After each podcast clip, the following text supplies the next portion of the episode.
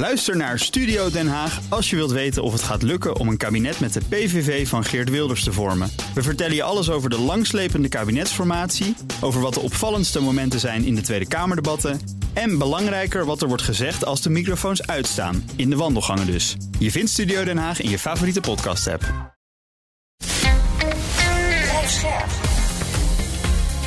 BNR Nieuwsradio. Boekenstein en de Wijk. Hugo Reitsma. Welkom bij Boekenstein en de Wijk. Het is donderdag, dag 393 van de oorlog in Oekraïne. En wij hadden meerdere vragen van luisteraars over de aanklacht tegen Poetin. Daar hadden we het nog helemaal niet over gehad. Het internationaal strafhof in Den Haag heeft een arrestatiebevel uitgevaardigd tegen Poetin vanwege oorlogsmisdaden in Oekraïne. En dan gaat het om de deportatie van kinderen hè, van Oekraïne naar Rusland. Onderzoekers hebben vastgesteld dat dat ging inmiddels al zeker om 6000 kinderen. Ook aanklacht tegen die Maria Lvova-Belova.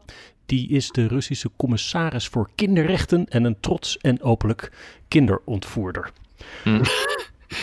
Ja, lekker zeg. Ja, nee. En hij gaat ook nog in de volgende stap, uh, gaat hij um, in de Veiligheidsraad, in een informele vergadering, gaat hij uitleggen hoe het echte verhaal in elkaar zit. En dat het ook allemaal flauwekul is wat er in Den Haag door het uh, internationale strafhof uh, is bedacht. Dus het oh, echte verhaal krijgen we dan nog te horen in een informele vergadering van de Veiligheidsraad. Maar kijk, weet je, dit is natuurlijk gewoon het begin, hè. Uh, want uh, hoe lang praten we al niet over al die raketaanvallen, al die afzwaaiers op, uh, op steden, alle burgers die omkomen. De wijze waarop zij ook met, met militairen omgaan. Ik bedoel, het zijn de ene oorlogsmisdaad naar de andere. Dus dit is denk ik alleen nog maar het begin hm. van een hele serie aanklachten die er gaat komen de komende jaren. Ja. En verder, ik kijk altijd naar de Russische tv, zoals jullie weten. en die, eh, die gekke vent, ik ben zijn naam even kwijt, Suljinov of zoiets. Die vond dus dit aanleiding om maar een kernraket op uh, het ICC te sturen. Op, op Den Haag. Wordt allemaal, ja. wordt allemaal serieus gezegd. Hè? Ja. Wist u trouwens dat... Uh, Vroeger erkende Rusland het uh, internationaal strafhof wel.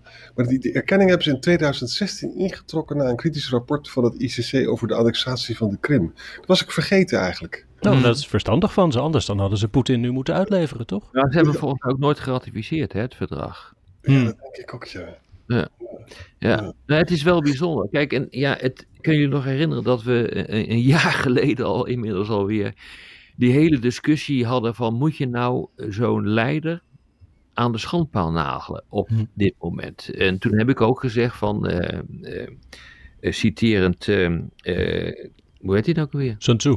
Sun Tzu. 2500 jaar geleden, die al heeft gezegd, bouw voor je tegenstander een gouden brug. Hm. En het, kijk, ethisch, emotioneel zeg ik ook van dit moet, moet je doen. En hoe eerder die man in de gevangenis eh, verdwijnt, hoe beter het is. Maar tegelijkertijd zegt Sun Tzu ook van als je dat doet, dan manoeuvreer je iemand helemaal in een hoek. Dan komt hij er niet meer uit. En dan wordt het heel rationeel feitelijk om, om door te gaan knokken en nooit meer op te geven. Hebben jullie nou het gevoel dat dit nu aan de hand is? Dat door zo'n aanklacht en het feit dat hij eigenlijk niet meer vrij kan reizen, want hij kan nu overal worden opgepakt in elk land dat, dat, dat de jurisdictie van dat strafhof erkent. Dat dat nou zo, zoiets is waarvan je zegt van ja, dat had je nu even niet moeten doen, maar later. Nou kijk, weet je, dat hele strafhof, dat is natuurlijk van het begin af aan is dat heel problematisch geweest. Hè? Weet je, ik herinner me nog het artikel, daar hebben we een heel debat over gehad, van Kissinger. Dat heette The Pitfalls of Universal Jurisdiction. Hij was daar tegen, hè, omdat hij dus uitgaat van nazistaten. Nou, sinds haar oprichting in 2002 zijn met name dus Afrikanen zijn berecht. Hè? Ja. En misdaden in Syrië, Irak en China, die bleven allemaal onbestraft. Dus dan heb je toch wel het, het, het, het, het imago van hypocrisie komt dan naar voren. Hè? Dat je hm. de zwakkere pakt en de, en de sterkere niet. Dus het is lastig hoor. En ik moet je zeggen dat toen het was, waren juristen er allemaal heel erg voor. Nu zijn er ook juristen die zeggen van ja, ik weet het niet of het allemaal zo goed heeft uitgepakt. Ja?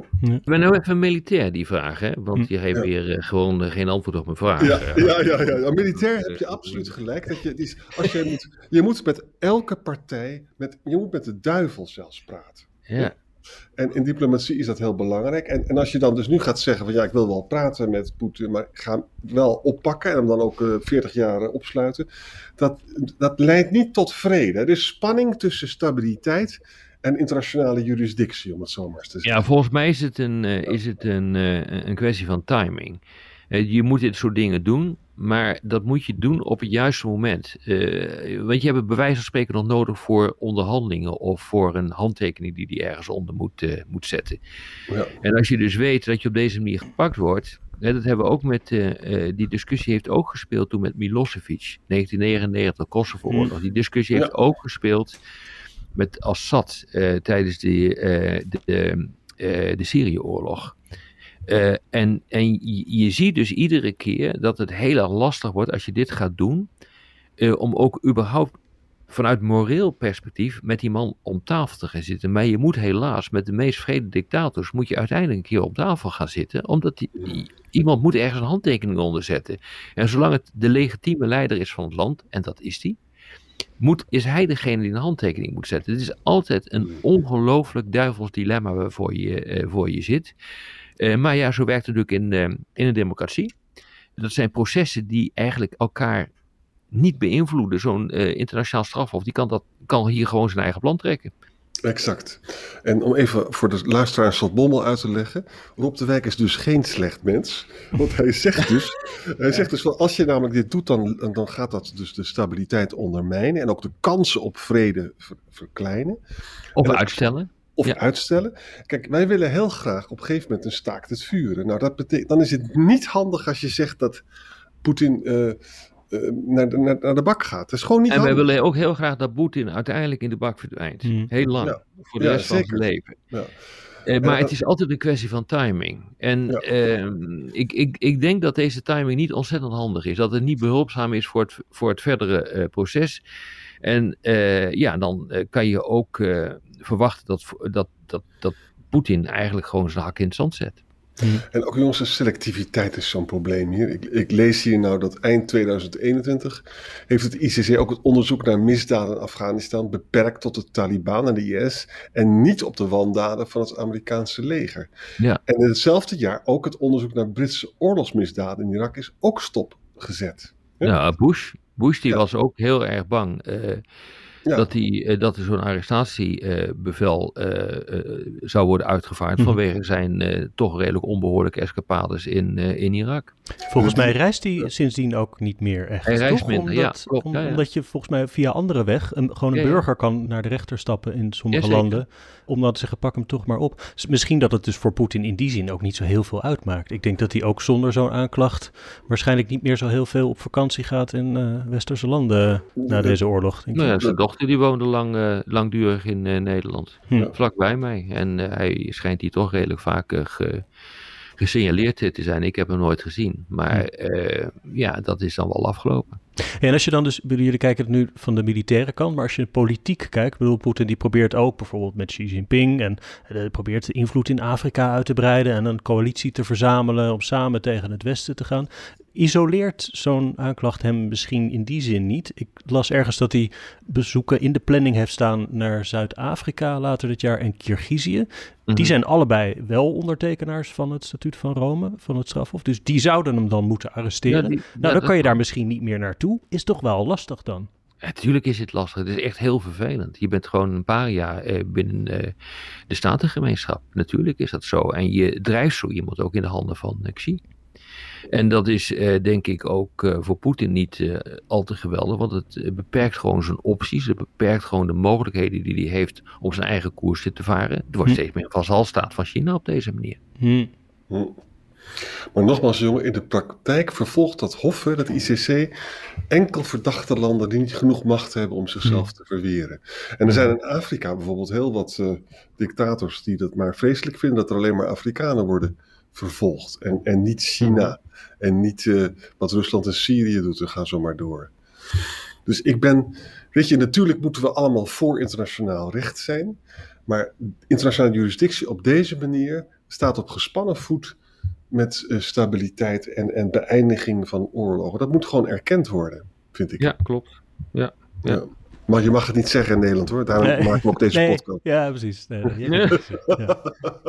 Hey, trouwens, eh, nog, nog even een los dingetje. Eh, had ik gisteren ook al willen zeggen. Maar ik zag dat je Boekenstein en de Wijk tegenwoordig kan boeken. Hadden jullie dat ook gezien?